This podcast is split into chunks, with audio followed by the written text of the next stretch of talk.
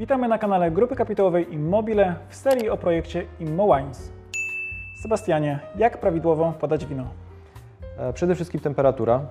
E, Białe wina powinniśmy podawać oczywiście schłodzone. E, Najlepiej schłodzić je do temperatury 6-7 stopni.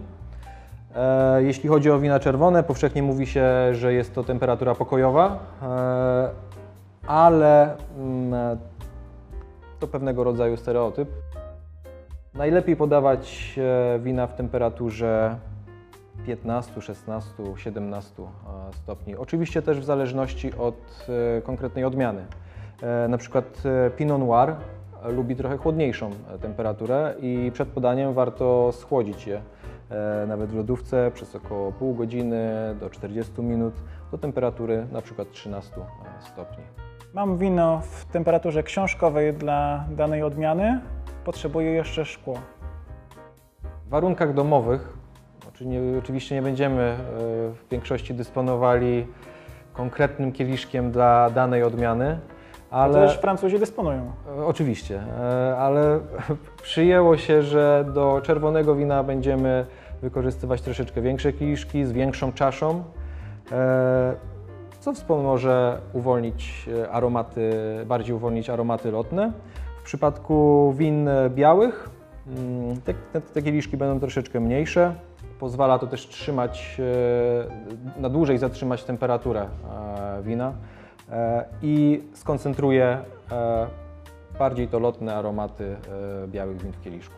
Czyli nawet jeśli w miarę interesuję się winem, wystarczą mi w domu dwa rodzaje kieliszków. Jak najbardziej. Okej. Czy coś jeszcze przed otwarciem powinienem wiedzieć? Bo już mm, być może trudno mi wytrzymać i powstrzymać ek- ekscytację mm, i posmakować wino Immo Wines. E, Przede wszystkim czymś trzeba by to było wino otworzyć. Oczywiście, jeśli e, wino posiada korek. No właśnie, korek, aczkolwiek- korek i zakrętka. To wiele osób ciekawi. Mamy wina z korkiem, bliżej Twojej strony, mamy wina z zakrętkami. Czy prawdziwa jest opinia, która jest cały czas powtarzana przez niektórych, jakoby e, wino z korkiem było winem wyższej jakości? E, Jest to pewnego rodzaju stereotyp. Oczywiście kiedyś e, stosowano tylko i wyłącznie korek, jeszcze wcześniej były to drewienka owinięte szmatką a i tak w ten sposób była zamknięta butelka. Zakrętka jest po prostu tańsza w produkcji, ale niczego nie odbiera winu.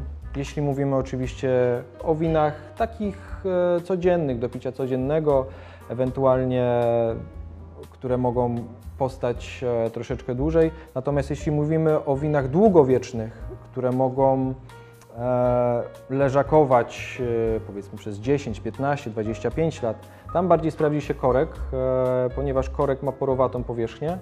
W związku z, w związku z tym wino, które jest w tej butelce, będzie lepiej dojrzewać, lepiej współpracować e, z tlenem Mhm, Bo tam zachodzi cały czas e, reakcja, tak? To wino pracuje i dzięki temu, że mm, dostaje się tam minimalna ilość powietrza, ono cały czas może swój smak pogłębiać. To, to wino na pewno będzie lepiej e, dojrzewać ze, z tradycyjnym korkiem.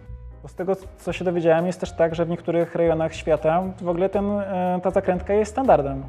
E, tak, między innymi e, Nowa Zelandia, Australia to są kraje już, gdzie w 90-95% korek został wyparty.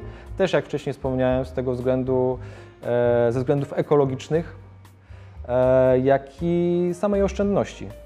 Korek, zakrętka jest po prostu dużo tańsza w produkcji. Dziękujemy za dzisiejsze spotkanie w restauracji La Rosa przy Placu Kościeleckich w Bydgoszczy. W kolejnych filmach pokażemy Państwu, jak wyglądają, przede wszystkim smakują wina z serii Immo Wines. Sześć win, które powstały tutaj dzięki Sebastianowi w ramach współpracy z e, grupą Focus Hotels. Dziękuję.